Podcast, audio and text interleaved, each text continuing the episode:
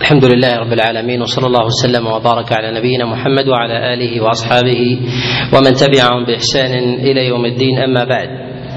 فنكمل في هذا المجلس شيئا من آي الأحكام من سورة البقرة وأول هذه الآية في قول الله جل وعلا ولله المشرق والمغرب فأينما تولوا فثم وجه الله.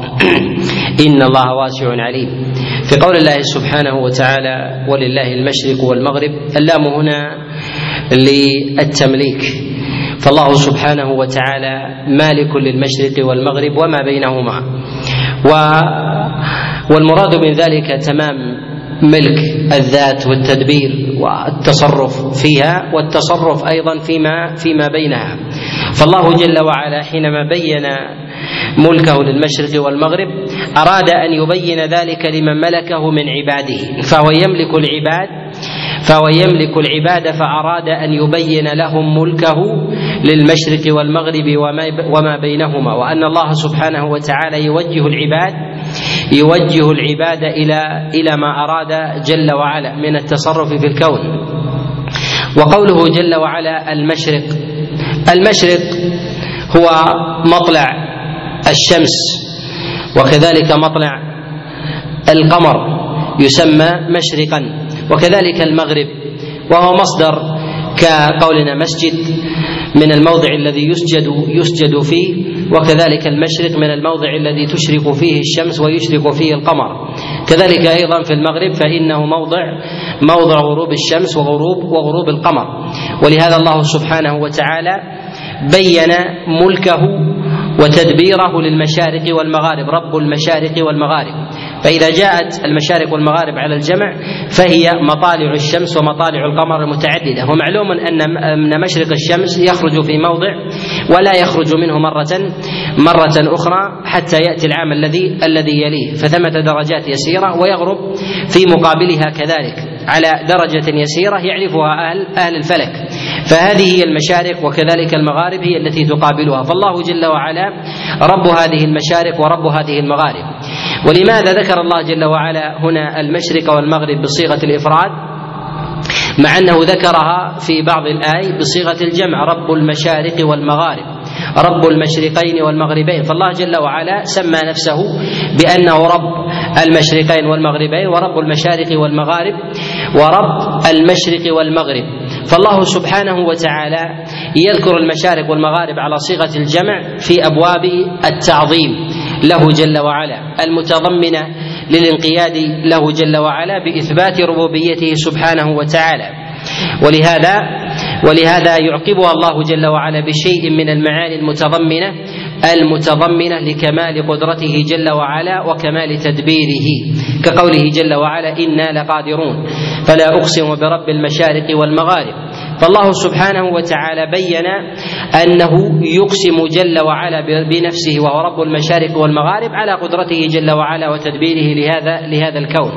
وأما بالنسبة في هذه الآية فإنها في موضع فإنها في موضع تحديد القبلة، فإنها في موضع تحديد القبلة، وتحديد القبلة يحتاج فيها إلى تثبيت مشرق ومغرب واحد.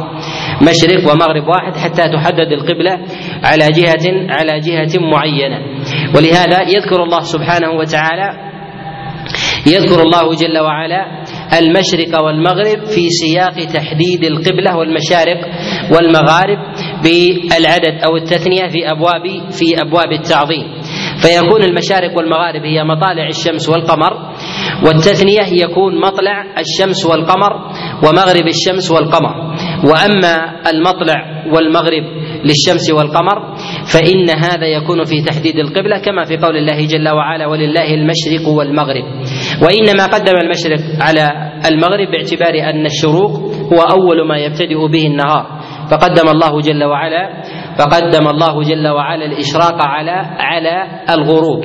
وذكر الإشراق أكثر في القرآن من الغروب وذلك تيمنا بأفضلية أول النهار. ولهذا يقال إن أفضل الأوقات أفضل الأوقات لعمل الإنسان ونشاطه هو هو الضحى. ولهذا اختاره الله جل وعلا جل وعلا لموسى عليه الصلاة والسلام في مناظرة السحرة وأن يحشر الناس ضحى.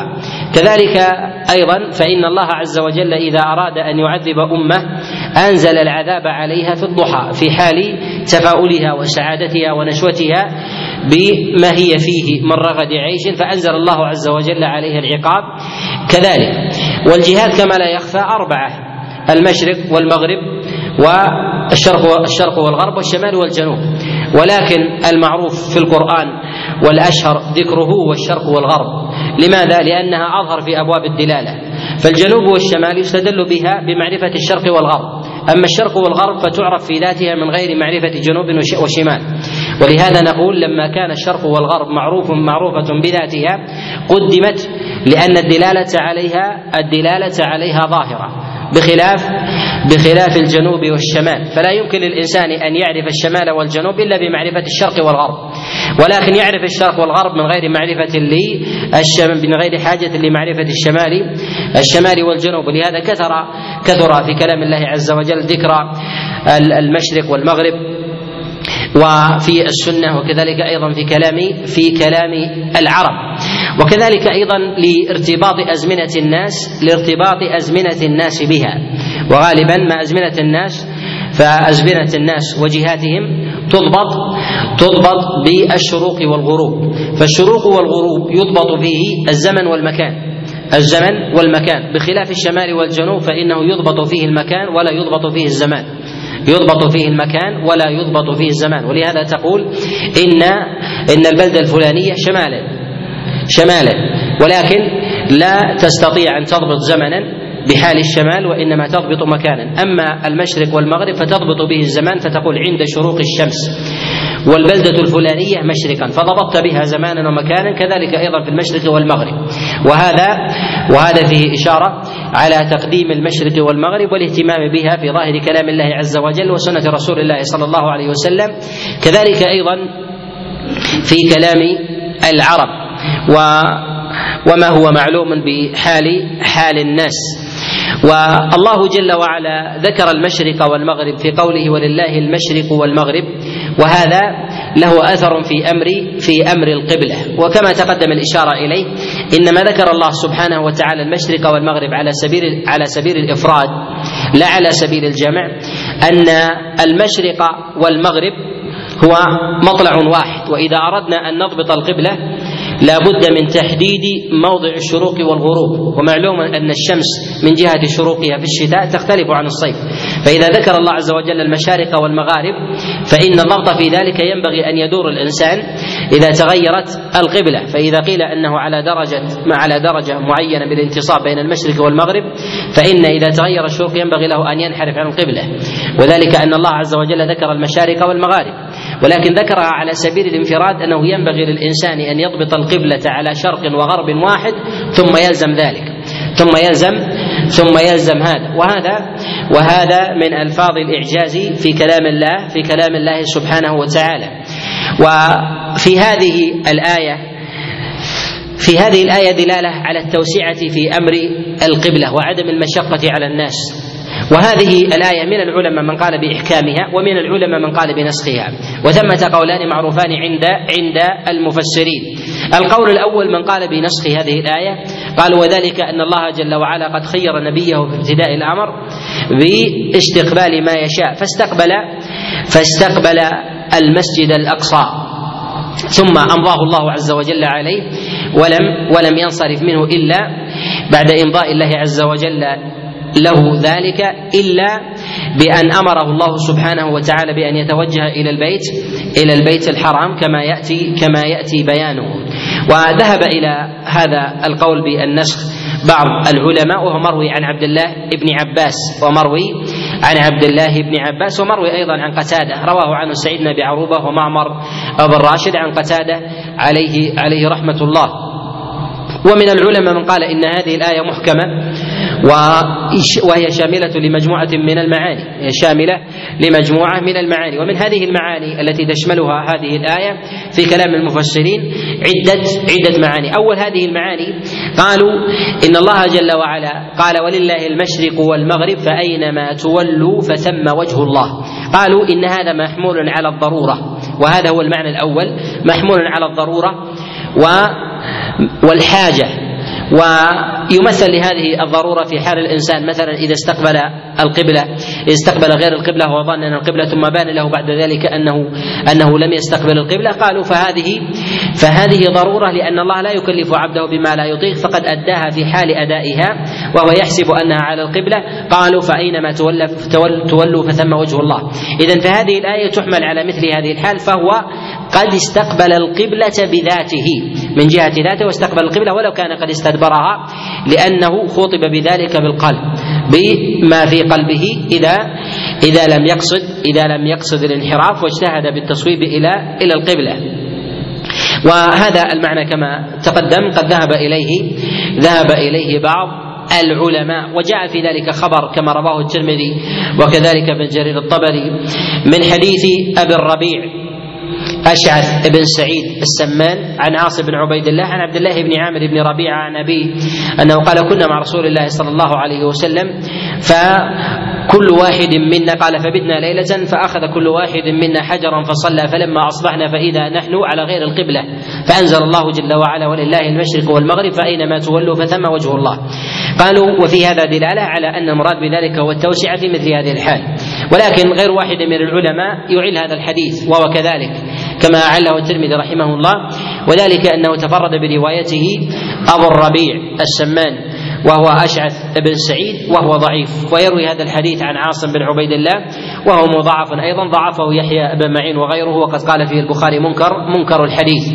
وهذا المعنى حمله عليه أيضا بعض العلماء من المفسرين وله وجه كذلك. المعنى الثاني ممن قال بإحكام هذه الآية قالوا إن هذه هذه الآية نزلت في النافلة نزلت في النافلة. وهذا جاء عن عبد الله بن عمر عليه رضوان الله. كما رواه ابن جرير الطبري من حديث عبد الملك بن أبي سليمان عن سعيد بن جبير عن عبد الله بن عباس ان عن عبد الله بن عمر عليه رضوان الله تعالى قال سعيد بن جبير كنا مع عبد الله بن عمر في سفر فكان يصلي على راحلته إلى غير القبلة. قال كنت مع رسول الله صلى الله عليه وسلم وهو مسافر من مكة إلى المدينة يصلي على راحلته جهة المدينة. فأنزل الله جل وعلا ولله المشرق والمغرب فأينما تولوا فثم وجه الله. وهذا المعنى جاء عن بعض المفسرين جاء عن إبراهيم النخعي جاء عن إبراهيم النخعي وجاء أيضا عن عطاء كما رواه عبد الرزاق في كتابه المصنف عن عطاء بن أبي رباح أنه أفتى بمثل ما جاء عن عبد الله ابن عمر عليه عليه رضوان الله.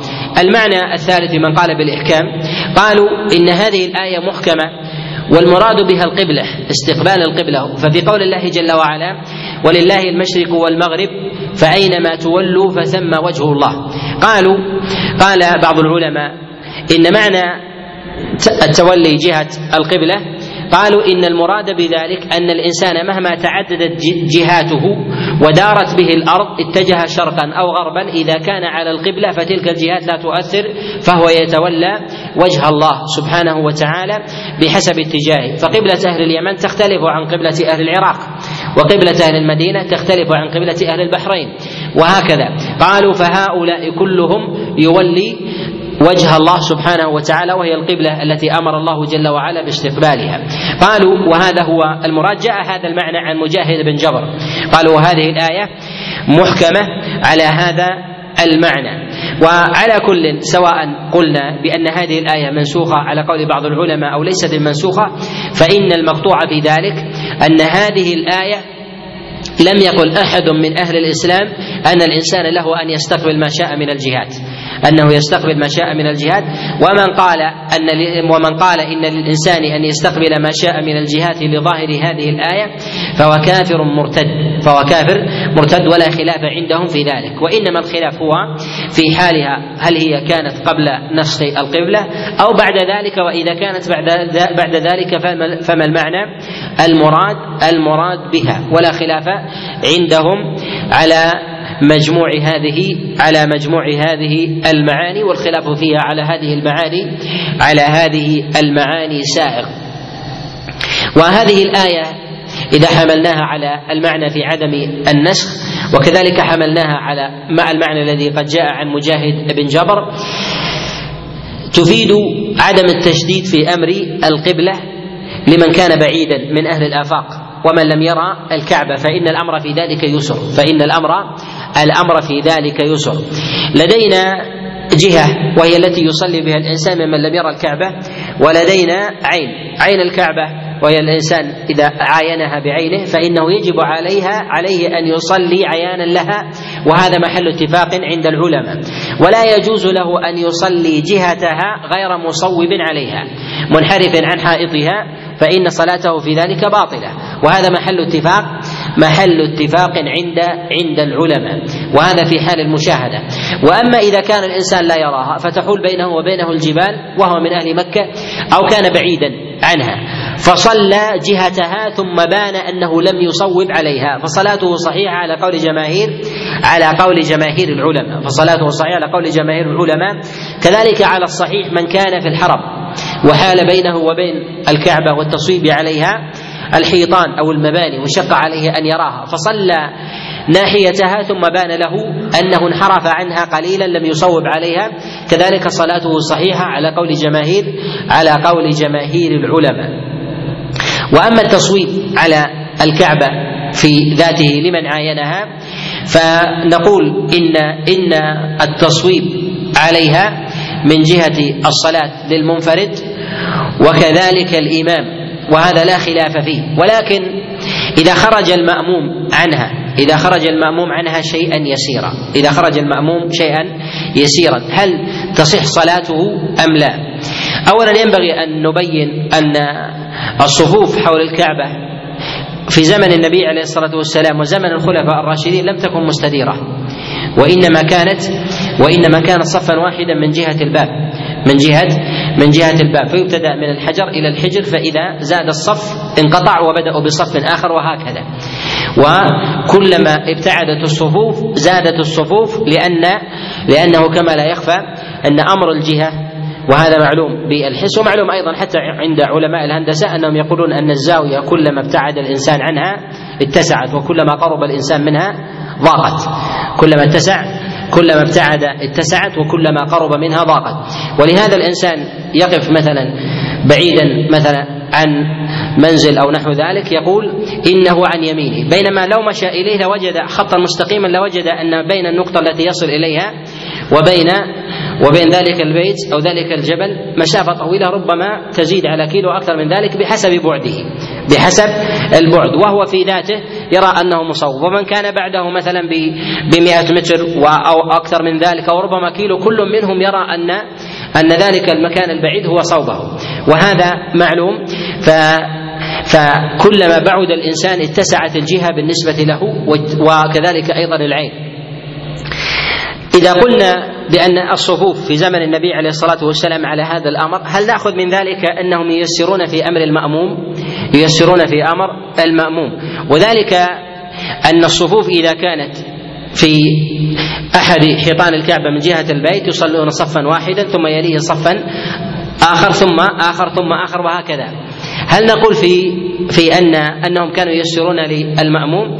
وذلك مثلا النبي عليه الصلاة والسلام حج معه أكثر من مئة ألف. حج معه أكثر من مئة ألف. وهؤلاء قطعا أنهم لا يصلون جماعة بكل هذا العدد لأنه لو أراد إماما يصلي بهم ما استطاع أن يبلغ الصوت ولو عشرة وراءه يبلغون لتغيرت الأركان قبل أن يصل الصوت إلى إلى إلى من كان من كان متأخرا. وهذا وهذا معلوم. وإنما يصلون وإنما يصلون جماعات كل على جهة وينزلون منازل متعددة. ولكن هذه الجماعات حتى لو قلنا إنهم ألف.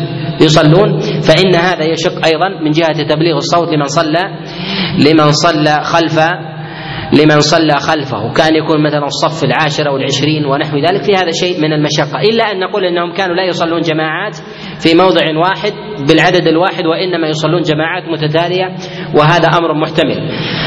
الصفوف إنما استديرت في ولاية خالد بن عبد الله القسري وهو أول من جعلها مستديرة. كما ذكر ذلك الأزرقي في كتاب أخبار مكة عن سفيان بن عيينة قال أول من أدار الصفوف حول الكعبة خالد بن عبد الله خالد بن عبد الله القسري وذلك أجازه بعض العلماء من الأئمة من السلف. كما جاء هذا عن ابن الزبير وكذلك عطاء. ويستدلون بذلك ويستأنسون بالملائكة في مقامهم عند العرش وترى الملائكة حافين أي مستديرين على حافة العرش. قالوا وإذا كان كذلك فإنه يجوز أن تدار الصفوف. كما ذكر ذلك كما ذكر ذلك الأزرقي في أخبار مكة عن ابن جريج عن عطاء عن ابن الزبير. وهذا معنى وهذا معنى معنى حسن من جهة من جهة الاستنباط. ومضى هذا الأمر وعليه الناس. فيستديرون فيكون الإمام فيكون الإمام من جهة من جهة الباب. ثم ثم يصلي الناس مستديرون يصلي الناس مستديرون حول حول الكعبة. والذي يظهر والله أعلم أنه يخفف للمأموم أنه يخفف للمأموم ما لم تتغير جهته ما لم تتغير جهته عن الكعبة إذا خرج شيئا يسيرا عن صوبها إذا خرج شيئا يسيرا عن صوبها. أما بالنسبة للإمام وكذلك المنفرد فهذا محل اتفاق ولو خرج شيئا يسيرا عن صوبها وجب عليه أن يعيد الصلاة. أما بالنسبة للمأموم فلدينا صوب ولدينا ولدينا جهة. لدينا صوب ولدينا ولدينا جهة. الجهة هي التي يتوجه بها الإنسان ناحية الشيء وأما التصويب هو أن يصيب بوجهه هذه الجهة. فإذا تحققت الجهة مع مع انخراط أو انخرام شيء من التصويب فصلاته صحيحة. ما لم يفحش ما لم يفحش ذلك ما لم يفحش ذلك. والعلماء يحترزون في هذا ويدل على احترازهم انهم اداروا اداروا الصفوف. خشية أن تزيد الصفوف ثم يبالغ يبالغ في مثل في مثل هذا هذا الأمر. وينبغي للإنسان في مسألة في مسألة الصلاة في في مسألة استقبال القبلة الاحتياط وإنما نقول بمثل هذا المعنى لاستئناسا بمثل هذه الآية في قول الله جل وعلا فأينما تولوا فثم فثم وجه الله. وقد نقول بمسألة التيسير على من كان بعيدا بهذه الآية أيضا بمن كان مثلا بالمدينة أو كان من أهل جدة ونحو ذلك أنه لا يلزمه التصويب والدقة. وهذا ما يذهب إليه جماعة من العلماء من المحدثين المحققين وغيرهم كالإمام أحمد رحمه الله وغيره. فإن الإمام أحمد رحمه الله يكره وينكر على من يهتدي ويستدل بالنجوم على القبلة إذا كان يعرف الجهة. وكأنه يقول صلي إلى الجهة ولا ولا تدقق في هذا. وينكر على من يستدل بالجدي لضبط القبلة. لما في ذلك من لما في ذلك من آه لما في ذلك من التشديد على الناس. ويظهر والله أعلم أن النبي عليه الصلاة والسلام حينما قال لأهل المدينة وهو قد اختار القبلة وضبطها عليه الصلاة والسلام اختار القبلة لأمته وضبطها قال ما بين المشرق والمغرب والمغرب قبلة ويقصد بذلك أهل المدينة. وهذا الحديث قد تكلم فيه بعضهم وإن كان لا يصح مرفوعا إلا أنه صحيح عن عمر بن الخطاب وصحيح عن عبد الله ابن عمر عليهما رضوان الله. وجاء معنى ذلك عن علي بن أبي طالب وعبد الله بن عباس وجاء أيضا عن سعيد بن جبير وغيرهم. من السلف. وأما المرفوع في ذلك عن النبي عليه الصلاة والسلام في قوله ما بين المشرق والمغرب قبلة جاء هذا من حديث أبي هريرة وجاء أيضا من حديث عبد الله من حديث عبد الله بن عمر. وأما بالنسبة حديث أبي هريرة فقد رواه الإمام أحمد ورواه الترمذي وغيرهم من حديث عبد الله ابن جعفر عن عثمان عن محمد بن عمرو عن أبي سلمة عن أبي هريرة وجاء من وجه من وجه آخر أيضا من حديث سعيد المقبري عن أبي هريرة. يرويه عن سعيد المقبري عبد الله بن جعفر عن الأخنسي عن عن عن سعيد المقبري عن أبي هريرة وجاء أيضا من وجه آخر من حديث أبي معشر. نجيح يرويه عن محمد بن عمرو عن أبي سلمة عن أبي هريرة. وقد أعل هذا الحديث غير واحد كالبخاري وكذلك الترمذي وأبو الرجب وغيرهم. ولكن جاء أيضا من حديث عبد الله بن عمر مرفوعا والصواب فيه الوقف صوب الوقف أبو زرعة كما في العلل وكذلك الدار قطني والحافظ بن رجب رحمه الله. ومال إلى عدم صحة المرفوع الإمام أحمد رحمه الله فقال ليس له إسناد يعني المرفوع وصحه عن عمر بن الخطاب. فإنه قد جاء عن عبد الله بن عمر من حديث من حديث نافع عن عبد الله بن عمر وإسناده عنه صحيح. وجاء أيضا عن عمر بن الخطاب رواه الإمام مالك من حديث نافع عن عمر بن الخطاب مرسلا. وجاء موصولا من حديث نافع عن عبد الله بن عمر كما ذكره الدار قطني في العلل من حديث من حديث نافع عن أبيه عن عبد الله بن عمر عن أبيه عمر بن الخطاب قال ما بين المشرق والمغرب قبلة. وهذا الحديث وهذا الحديث آه، المرفوع وإن كان ضعيفا إلا أن ثبوته عن جماعة من الصحابة يدل على الاعتداد على الاعتداد بمعناه.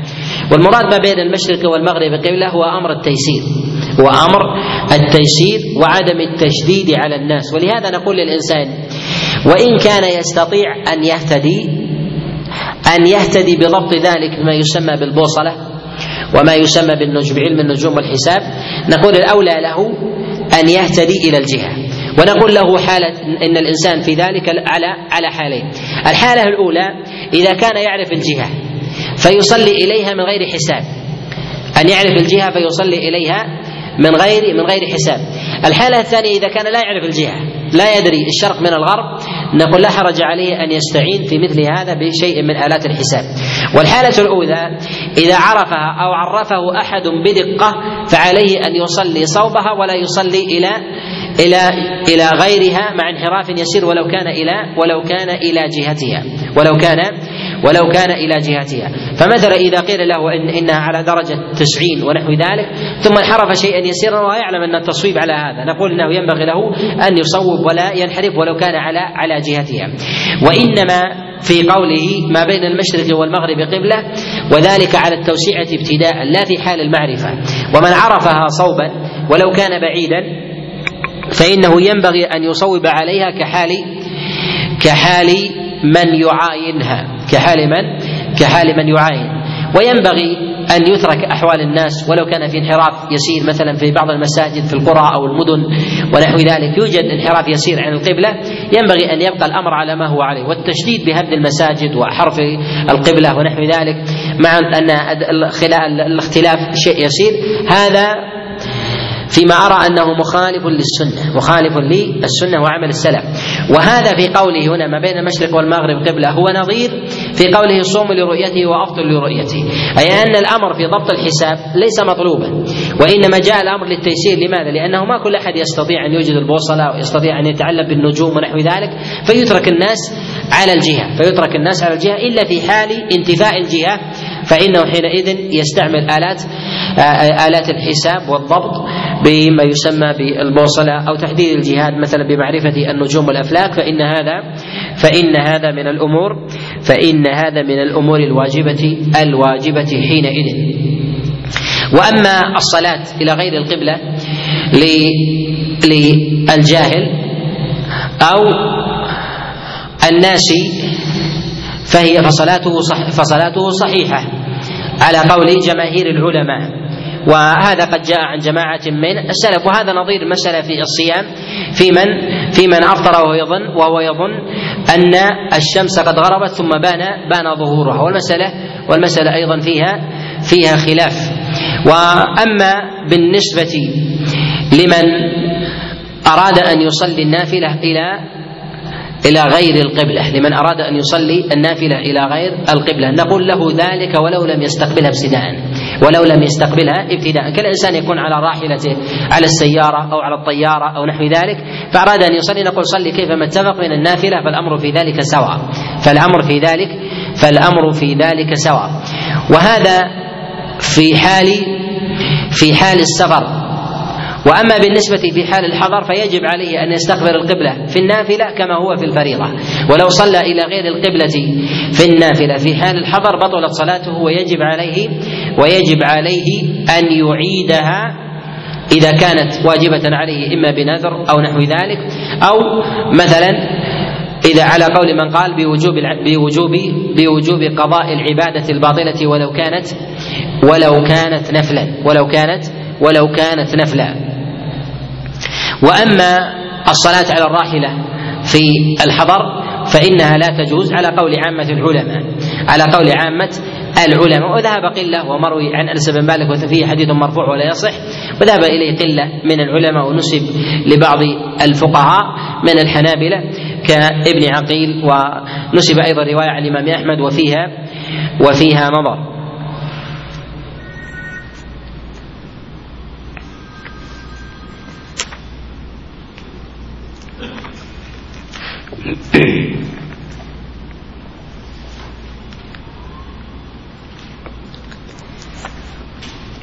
هنا الآية الثانية والثالثة. لعلنا نرجئ الثانية لأنها تحتاج إلى مجلس كامل.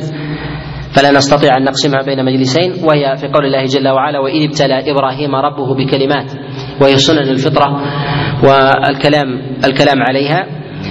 وكما جاء ذلك عن عبد الله بن عباس عليه رضوان الله تعالى وذلك قال ابتلاه بعشر خمس في الرأس وخمس في سائر في سائر الجسد. وتحتاج إلى كلام آه، وذلك من مما في الرأس السواك وقص الشارب وفرق فرق الشعر والمضمضة والاستنشاق وأحكامها وكذلك أيضا ما كان في الجسد من نتف الإبط وحلق آه، العانة والاستنجاء والاستجمار والختان. وهذه تحتاج إلى مجلس كامل في هذه الآية. لهذا نرجعها إلى المجلس الآتي ونأخذ التي التي بعدها في قوله جل وعلا وإذ جعلنا البيت مثابة للناس وأمنا. في قوله سبحانه وتعالى وإذ جعلنا البيت مثابة للناس وأمنا. الله سبحانه وتعالى جعل البيت مثابة للناس والبيت المراد به والمسجد الحرام ويطلق عليه البيت. وجعل هنا أي أي خلق وهيأ ودبر سبحانه وتعالى والله جل وعلا جعل البيت مثابة للناس والمثابة المراد بذلك هو المرجع. ثاب يثوب يقال ثاب فلان إذا إذا رجع يرجع الناس إليه بزمن محدود وغير محدود. أما الزمن المحدود مما حده الله جل وعلا من مواسم الحج وفضائل الأعمال فيه وغير محدود مما مما يأتي إليه الناس من غير من غير ضبط بشيء معين. وهل يؤخذ من ذلك أنه يسوغ للإنسان أن يجعل له زيارة راتبة محددة إلى البيت الحرام؟ وذلك لظاهر هذه الآية وذلك أن الله جل وعلا جعل البيت مثابة للناس أي يرجعون إليه مرة بعد بعد أخرى. نقول ليس له ذلك وإنما المراد بذلك هو هو بيان الحال بيان الحال. والنبي عليه الصلاة والسلام كان مجيئه إلى البيت بحسب تهيئة السبيل بحسب تهيئة السبيل وبحسب وبحسب مقتضى مقتضى الحاجة والحال كمواسم كمواسم العمرة وكذلك أيضا الحج ونحو ذلك وكذلك أصحابه. ويقول النبي عليه الصلاة والسلام كما جاء في الصحيحين وغيرهما من حديث عائشة قال من أحدث في أمرنا هذا ما ليس منه فهو رد فليس له أن يجعل له شيئا راتبا مستديما يأتي به يأتي به إلى البيت ويقصد ذلك الزمن بعينه. ويخرج من هذا إذا أراد الإنسان أن يجعل له شيئا معينا لا لذات الزمن وإنما لأن هذا هو أهيأ له. كالذي مثلا يريد أن يأتي يوم الجمعة إلى المسجد الحرام لأنه يوم إجازة أو يتجرد من مشاغله ولا يوجد لديه عمل أو تجارة أو انشغال بالأهل ونحو ذلك فهذا هو وقت فراغه. فيذهب إلى إلى المسجد الحرام في مثل هذا اليوم. أو يجعل له يوما كالسبت والأحد لأنه هو أهدى أهدى لوقته ويتخلى من الناس ونحو ذلك. فنقول في مثل هذا إذا لم يكن مقصودا لذاته فالأمر فيه السعة وينبغي له أن يغاير ولو ولو من مدة بعد بعد مدة حتى لا يجعل ذلك سنة خاصة إذا كان الإنسان قدوة فيقتدى ويتأسى ويتأسى به. والبيت أصبح علما على المسجد الحرام وهو الكعبة. وهذا ما ذكره الله جل وعلا في مواضع عديدة في كتابه العظيم. إن أول بيت وضع للناس للذي بمكة.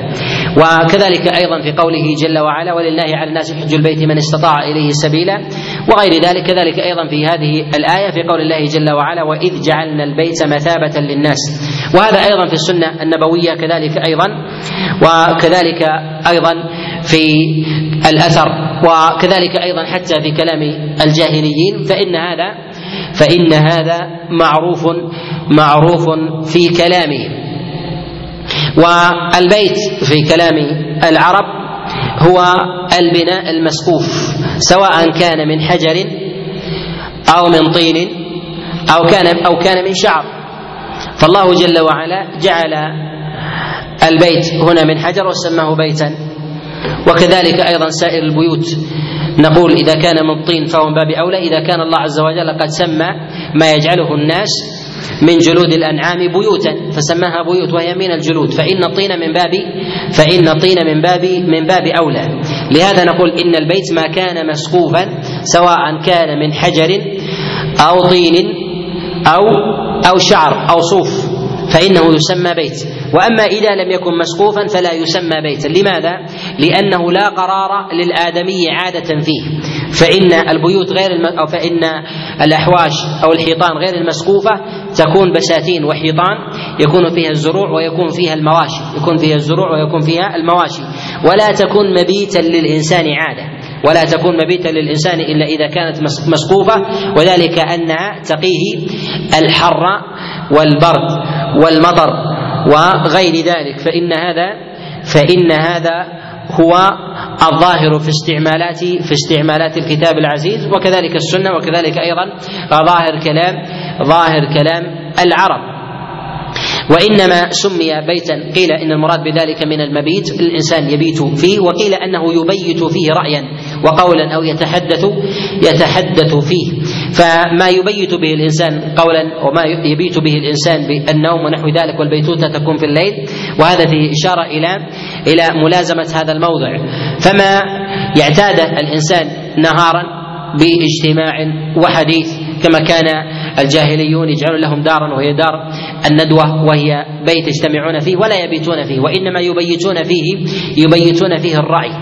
كذلك أيضا جعل الله جل وعلا البيت الحرام بيتا مع أن الناس لا يبيتون في داخله ولا يبيتون في جوفه ولا يبيتون في جوفه رأيا. ولكن لما كانت هيئته على هيئة البيوت المعروفة سماه الله جل وعلا بيتا فكان فكان استحقاقه لهذا الاسم أولى من استحقاق غيره بل أصبح علما علما عليه. وما زال الفقهاء يستعملون ذلك في مصنفاتهم فيقولون استقبال استقبال البيت والطواف على البيت ونحو ذلك يريدون بذلك يريدون بذلك الكعبة. وقوله جل وعلا مثابة للناس وأمنا. الله جل وعلا جعل البيت مثابة للناس وأمنا. جعله مثابة وأمن. تكلمنا على معنى مثابة وأما الأمن فالمراد بذلك ضد الخوف كما هو ظاهر.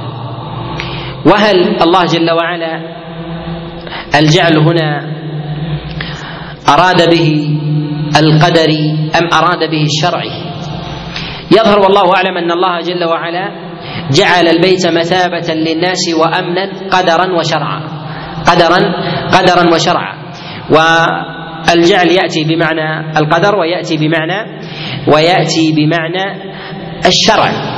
ولهذا نقول إن المعنى في هذه الآية مثابة للناس أي جعل الله جل وعلا الناس تهوي إليه إلى المسجد الحرام وذلك حتى في الجاهلية يأوون إليه.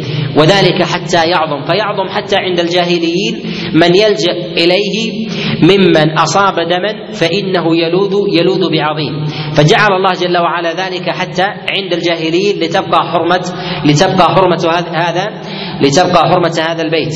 كذلك أيضا الجعل الشرعي جعل الله سبحانه وتعالى البيت مثابة للناس أن يأتون إليه. فجعل الصلاة فيه مضاعفة أعظم من غيره وجعل الله جل وعلا فيه الطواف معظما ولا يكون إلا فيه وجعل الله سبحانه وتعالى الاعتكاف فيه يختلف عن الاعتكاف عن غيره وجعل شد الرحال أيضا إليه يختلف عن شد الرحال إلى غيره فلا فلا تشد الرحال إلى إلا إلى ثلاثة مساجد. وهذا من المثابة التي جعلها الله سبحانه وتعالى لهذا المسجد وهي مثابة مثابة شرعية. وهي مثابة مثابة شرعية. وهذا من المثابة غير المحدودة بزمن وأما ما كان محدودا بزمن مما شرعه الله جل وعلا من مواسم الحج من أشهر الحج وإقامة شعائر الله سبحانه وتعالى فيها. فهذه من المثابة التي جعلها الله جل وعلا شرعا. جعلها الله جل وعلا شرعا. كذلك أيضا في مسألة الأمن.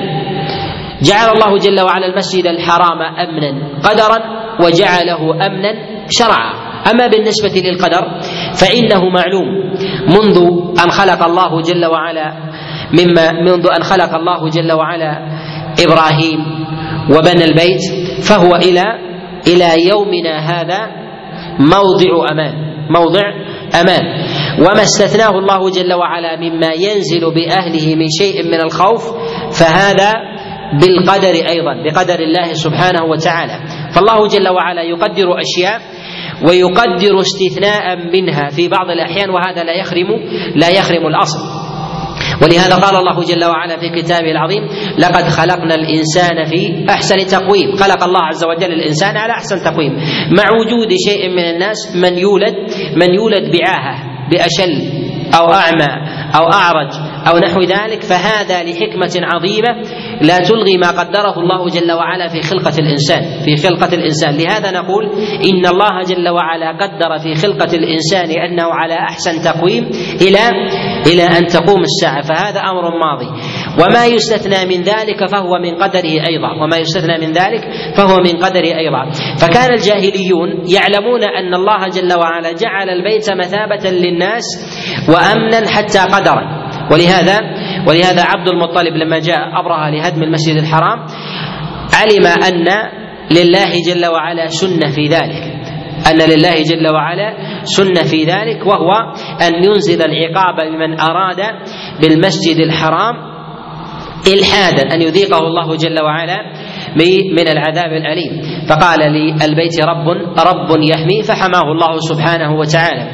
وما يحدث أو ما حدث من من بعض الفتن في مكة آه، من من القرامطة وكذلك أيضا في حصار الحجاج بن الزبير ومن معه في في مكة وما وما حدث من خوف لأهلها وقتل لبعض الأنفس فيها كذلك أيضا في قصة القرامطة وسلب الحجر وقتل بعض الناس ونحو ذلك.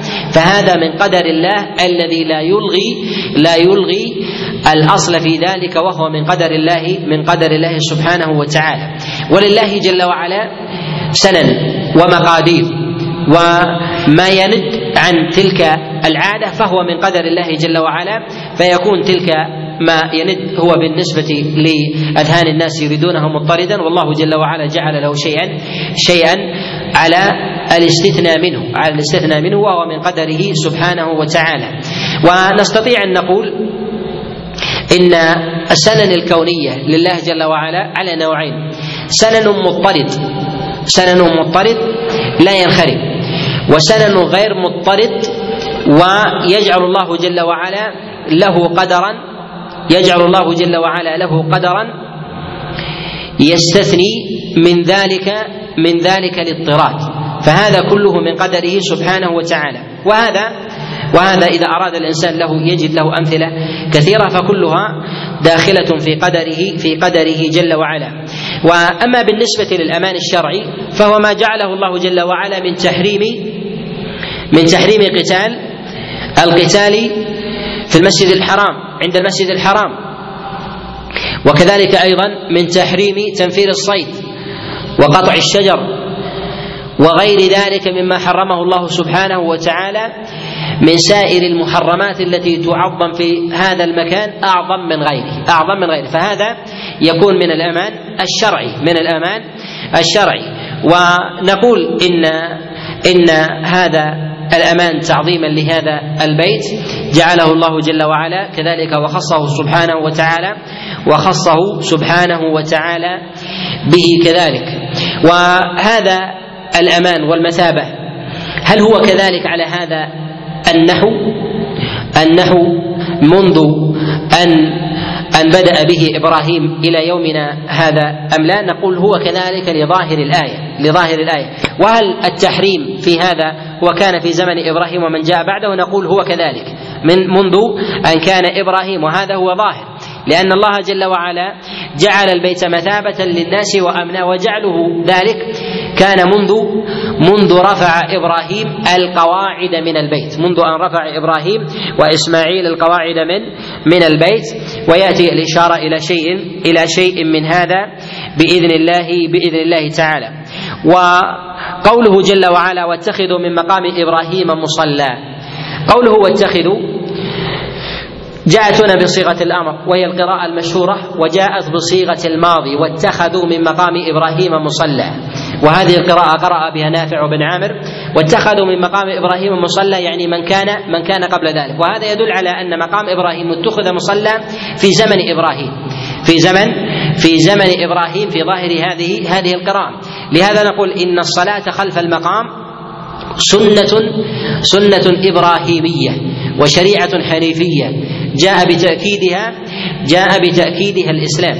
وقوله جل وعلا واتخذوا من مقام إبراهيم مصلى. مقام إبراهيم اختلف كلام العلماء في مقام إبراهيم. هل المراد بذلك هو المقام الموضع الذي قام فيه أم المراد بذلك الحجر الذي وضع عليه قدمه ليناول ابنه إسماعيل الحجر؟ ليناول ابنه إسماعيل الحجر. ثبت عن عبد الله بن عباس أنه قال هذا في الحجر أنه قال هذا في الحجر. ومن العلماء من قال إن المراد بذلك هو هو الموضع الذي وقف فيه وهذا هو الأظهر وهذا هو الأظهر. وقول الله جل وعلا واتخذوا من مقام إبراهيم مصلى. ربط الله جل وعلا ذلك بالمقام والمقام هو موضع هو موضع قيام الإنسان وهذا لا يرتبط بذلك بما وقف عليه. فلو زال ذلك الحجر أو حرك يمنة أو سلب أو غير فإنه لا يمكن أن يتحول الإنسان تعظيم المكان. قياس على ذلك لو قدر أن الكعبة هدم منها أو أزيلت هل ننتقل معها؟ نصلي إلى ذلك الموضع أم إلى الكعبة؟ إلى الكعبة. لأن هذا هذا ما أراده الله سبحانه وتعالى.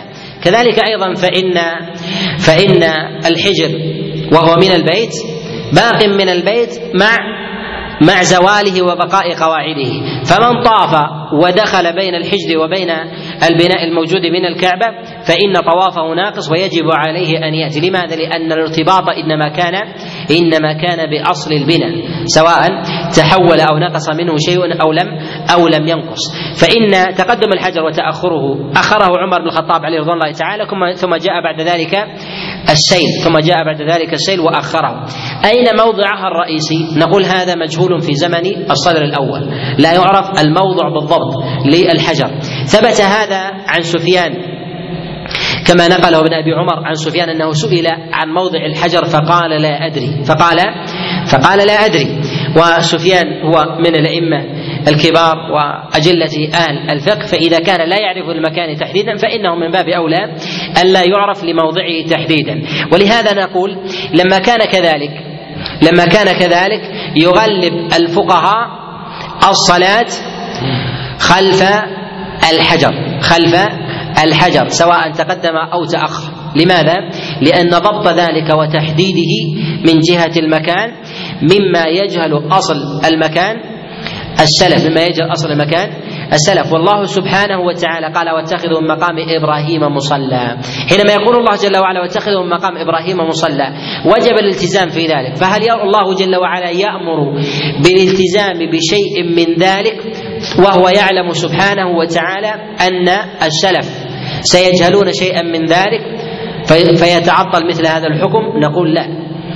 الله جل وعلا يعلم ذلك سبحانه وتعالى ومراده بالاتخاذ هنا إما ذلك الموضع وإذا جهل فعل الحجر فلا فلا تتعطل شريعة.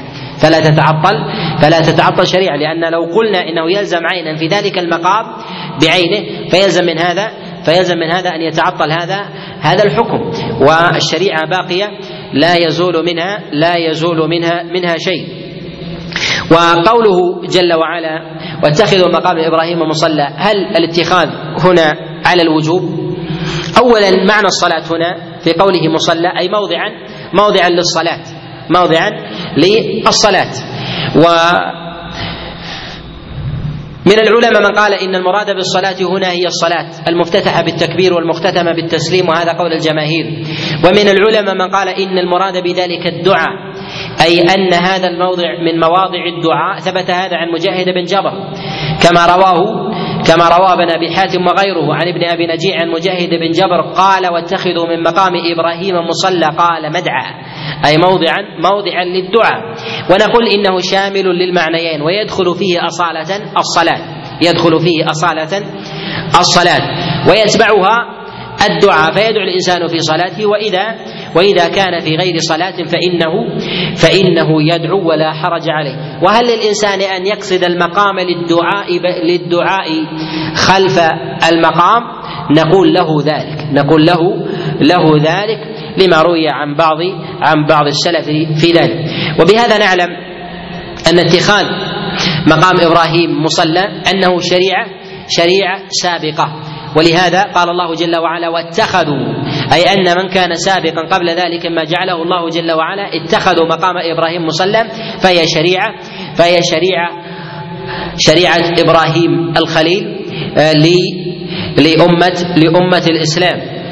وأولى الصلوات خلف المقام هي صلاة ركعتين بعد الطواف.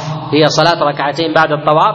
وذلك لفعل النبي عليه الصلاة والسلام ولفعل أصحابه عليهم رضوان الله تعالى وقصدهم لذلك وتتابع هذا العمل. فكل من طاف عند البيت سبعا فيتأكد في حقه أن يصلي ركعتين وصلاة ركعتين خلف المقام. هي سنة عند جماهير العلماء بعد الطواف وذهب بعض العلماء إلى وجوبها وهو قول الإمام مالك. وهو قول الإمام مالك. وهذه الآية في قوله جل وعلا واتخذوا مقام إبراهيم مصلى. قالها النبي عليه الصلاة والسلام حينما انتهى من طوافه وذهب إلى وذهب إلى المقام ليصلي. هل تلاوة هذه الآية سنة عند عند الصلاة خلف المقام؟ نقول ليست بسنة. ليست ليست بسنة. وذلك أن النبي عليه الصلاة والسلام ذكرها على سبيل الاستدلال. الاستدلال بهذا المعنى. والدليل على ذلك ويؤيده أنه في حديث جابر في ذاته جاء النبي عليه الصلاة والسلام بعدها أنه ذهب إلى الصفا وقال إن الصفا والمروة من شعائر الله. فهذا اراد به النبي عليه الصلاة والسلام استدلالا والعجب أن كثيرا ممن يصنف في المناسك يذكر أن من السنة أن يقول عند ذهابه إلى المقام للصلاة واتخذوا من مقام إبراهيم مصلى أن يتلو هذه الآية ولا يقول أن يتلو إن الصفا والمروة عند صعوده على الصفا مع أنها جاءت في سياق واحد مع أنها جاءت مع أنها جاءت في سياق في سياق واحد. ولهذا نقول إن آكد الصلوات خلف المقام هي الصلاة بعد الطواف. وهل هي في كل طواف أم في طواف العمرة والحج؟ نقول في كل طواف. ايا كان نوعه سواء كان طواف تحية البيت المطلق أو كان بشيء مرتبطا بشيء من المناسك. من طواف العمرة والحج بطواف الإفاضة أو طواف القدوم أو طواف الوداع فإنه يصلي يصلي ركعتين وهذا الذي عليه عمل عمل عامة العلماء.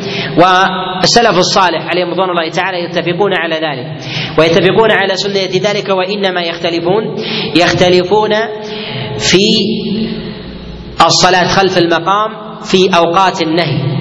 هل هي من ذوات الأسباب أم لا؟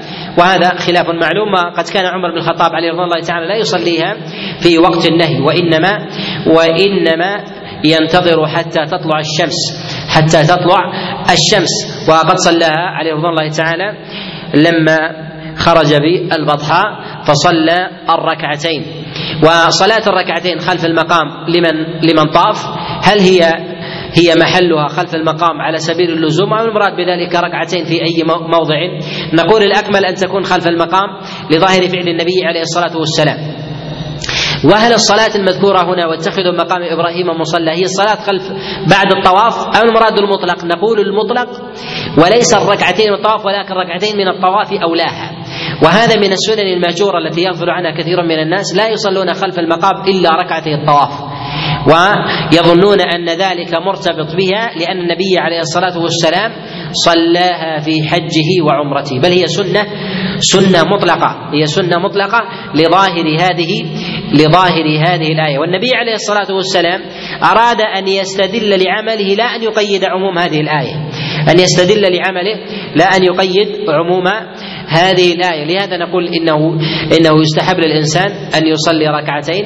متى ما تيسر له خلف المقام إذا لم يتيسر له فإنه يدعو.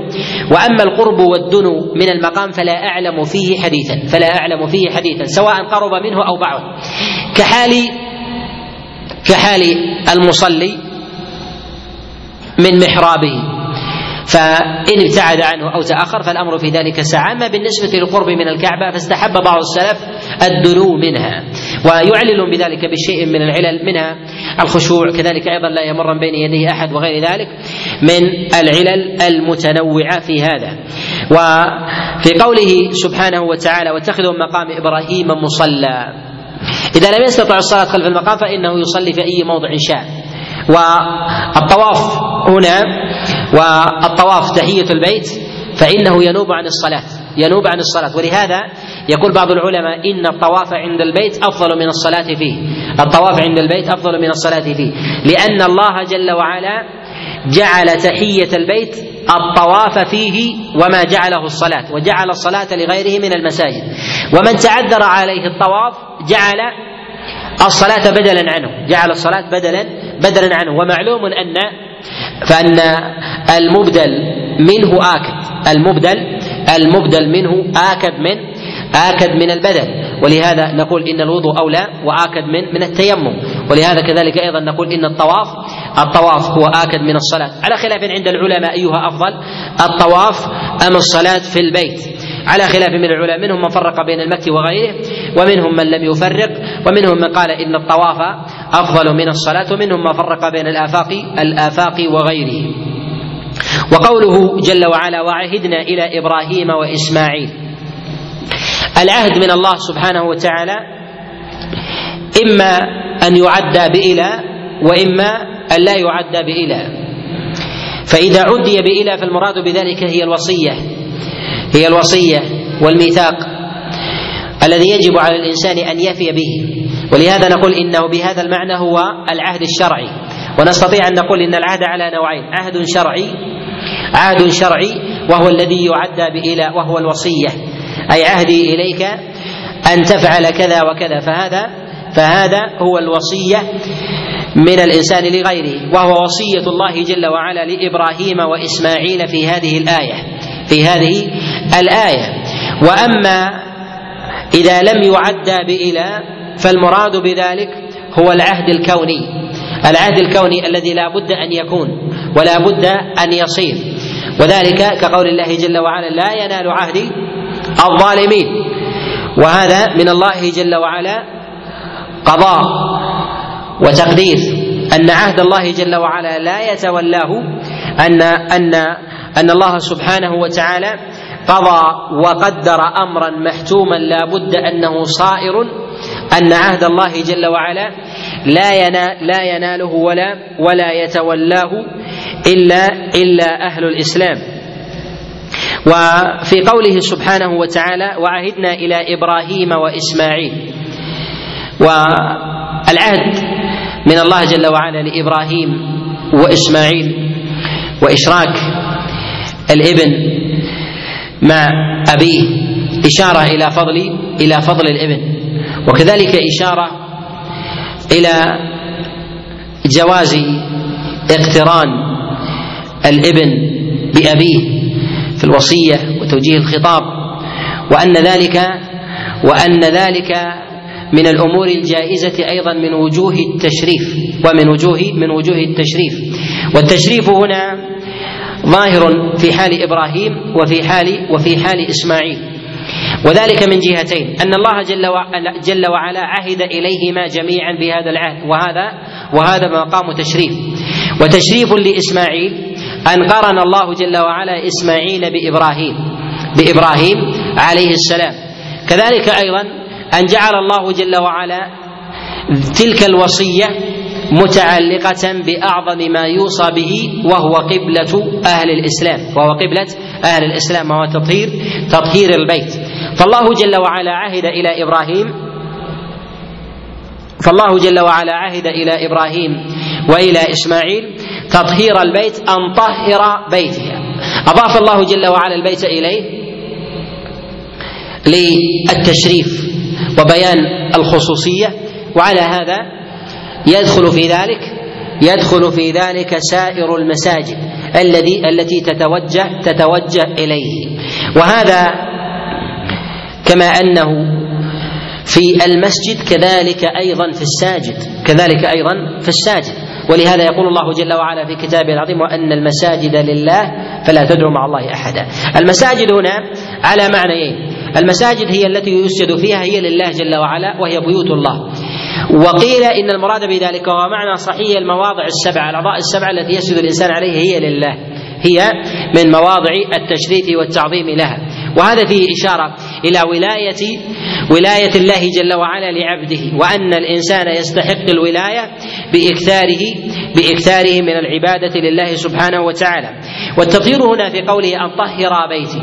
التطهير مراد به تطهير معنوي وتطهير حسي. أما التطهير المعنوي فالمراد بذلك وتطهيرها من الشركيات من الأصنام والأوثان وقول الزور وغير ذلك. تطهيرها من الأقوال والأعمال والنيات الفاسدة وتفقيه الناس وتبصيرهم بأهمية ذلك ووجوبه أهمية ذلك ووجوبه.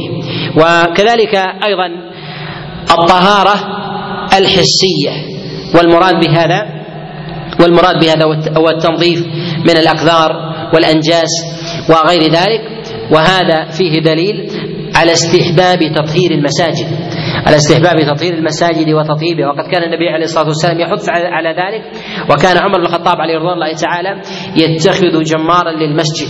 وكان نعيم المجمر عليه رحمة الله إنما سمي بذلك لأنه صاحب جمر مسجد رسول الله صلى الله عليه وسلم يطيبه ويهتم ويهتم به. وفي هذا دليل على أن الله جل وعلا حرم دخول المشركين إلى المسجد الحرام منذ إبراهيم عليه السلام. منذ إبراهيم عليه السلام. ولهذا قال الله جل وعلا طهر بيتي للطائفين.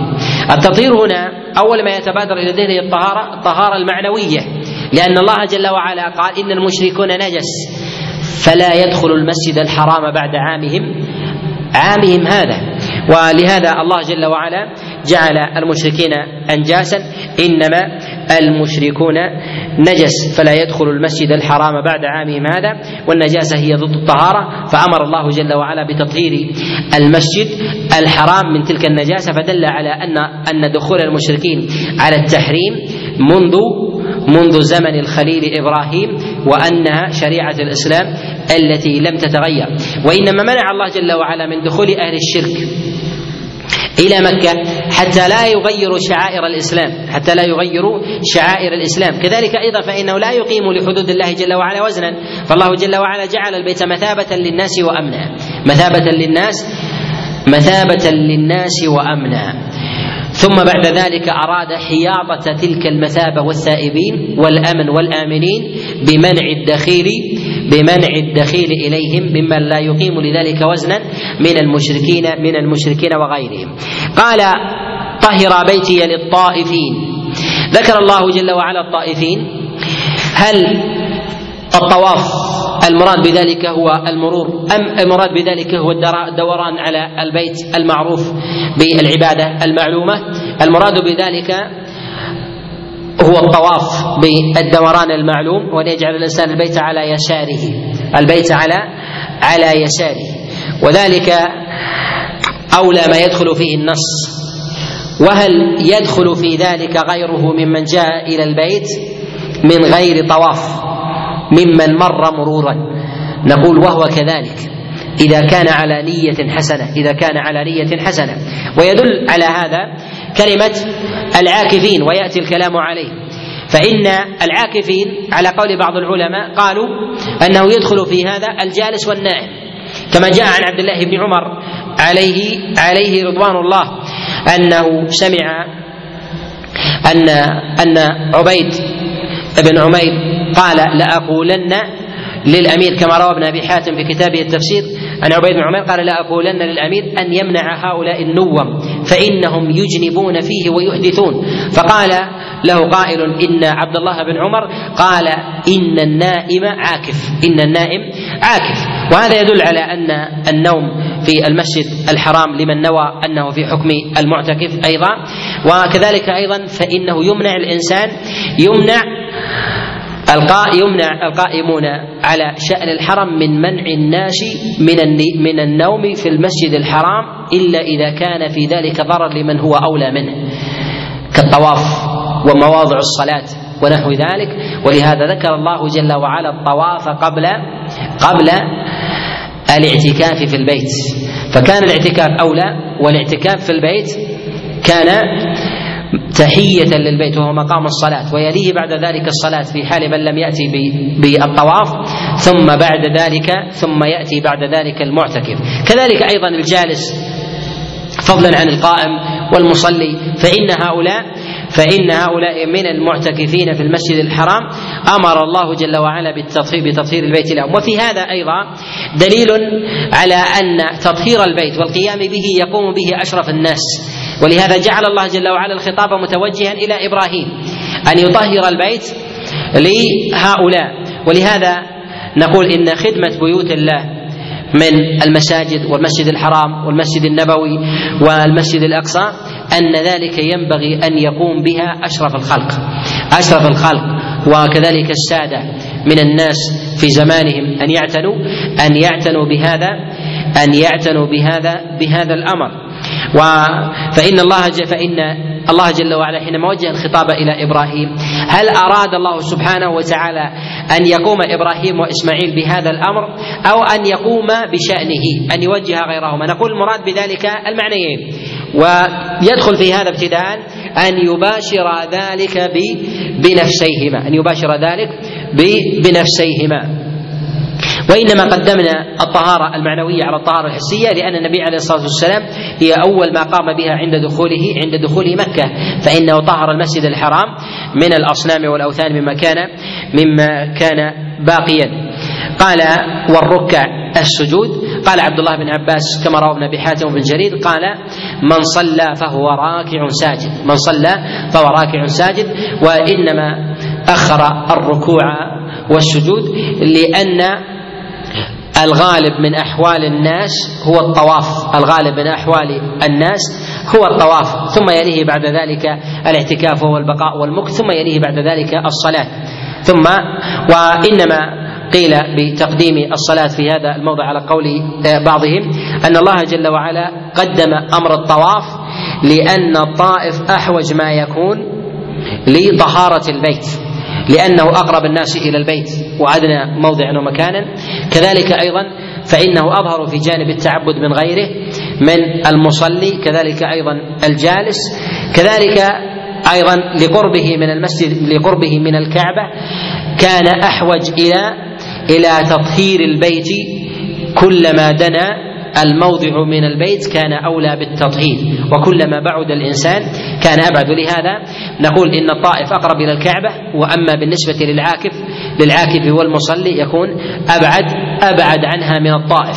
وهذا وهذا في في الأغلب. وإنما قدم الركوع على السجود باعتبار أنه أنه أنه أولى ويقدم محلا وكذلك زمنا في زمنا في الصلاة. وإلا في السجود هو أعظم من من الركوع. ونكتفي بهذا القدر. وأسأل الله جل وعلا أن يوفقني وإياكم لمرضاته. والله أعلم. وصلى الله وسلم وبارك على نبينا محمد.